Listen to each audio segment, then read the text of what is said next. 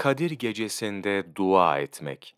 Ramazan ayında içinde Kadir gecesi bulunmayan, bin aydan daha hayırlı bir gece olan Kadir gecesi bulunmaktadır. Allah Resulü sallallahu aleyhi ve sellem bu mübarek gecenin Ramazan ayının son 10 gününün tek gecelerinde aranması gerektiğini bildirmişlerdir. O geceyi ihya eden bin ay, yani 83 sene 4 ay ibadet etmiş gibi oluyor. Cenab-ı Hak, o geceyi ihya edenin kusurlarını bağışlayacağını ve onu affedeceğini beyan ediyor. Kulun, Allahu Teala'ya en yakın olduğu zamanı secde halidir.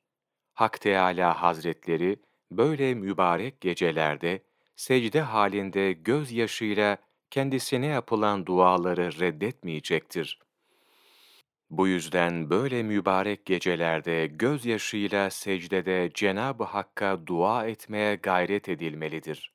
Resulullah sallallahu aleyhi ve sellem, Allah indinde bütün dualar makbuldür, yalnız aceleci olmamak şartıyla buyurmuşlardır. Vaktini, saatini Allah Celle Celaluhu bilir. Her türlü hayırlı istek ve dilekler için Allahu Teala'ya dua edilmelidir.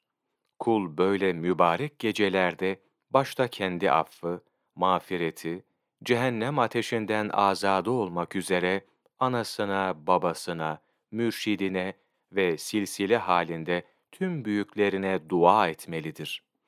Müslümanların birbirlerine de dua etmeleri gerekmektedir.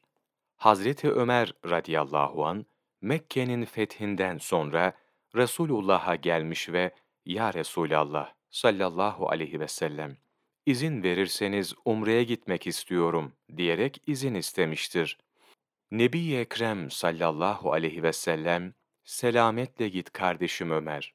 Bize de dua et." diyerek izin vermiştir.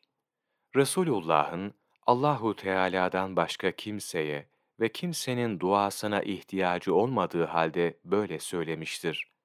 Nebi Ekrem sallallahu aleyhi ve sellem burada bizlere birbirimize dua etmemiz gerektiğini öğretmektedir. Dua müminin silahıdır.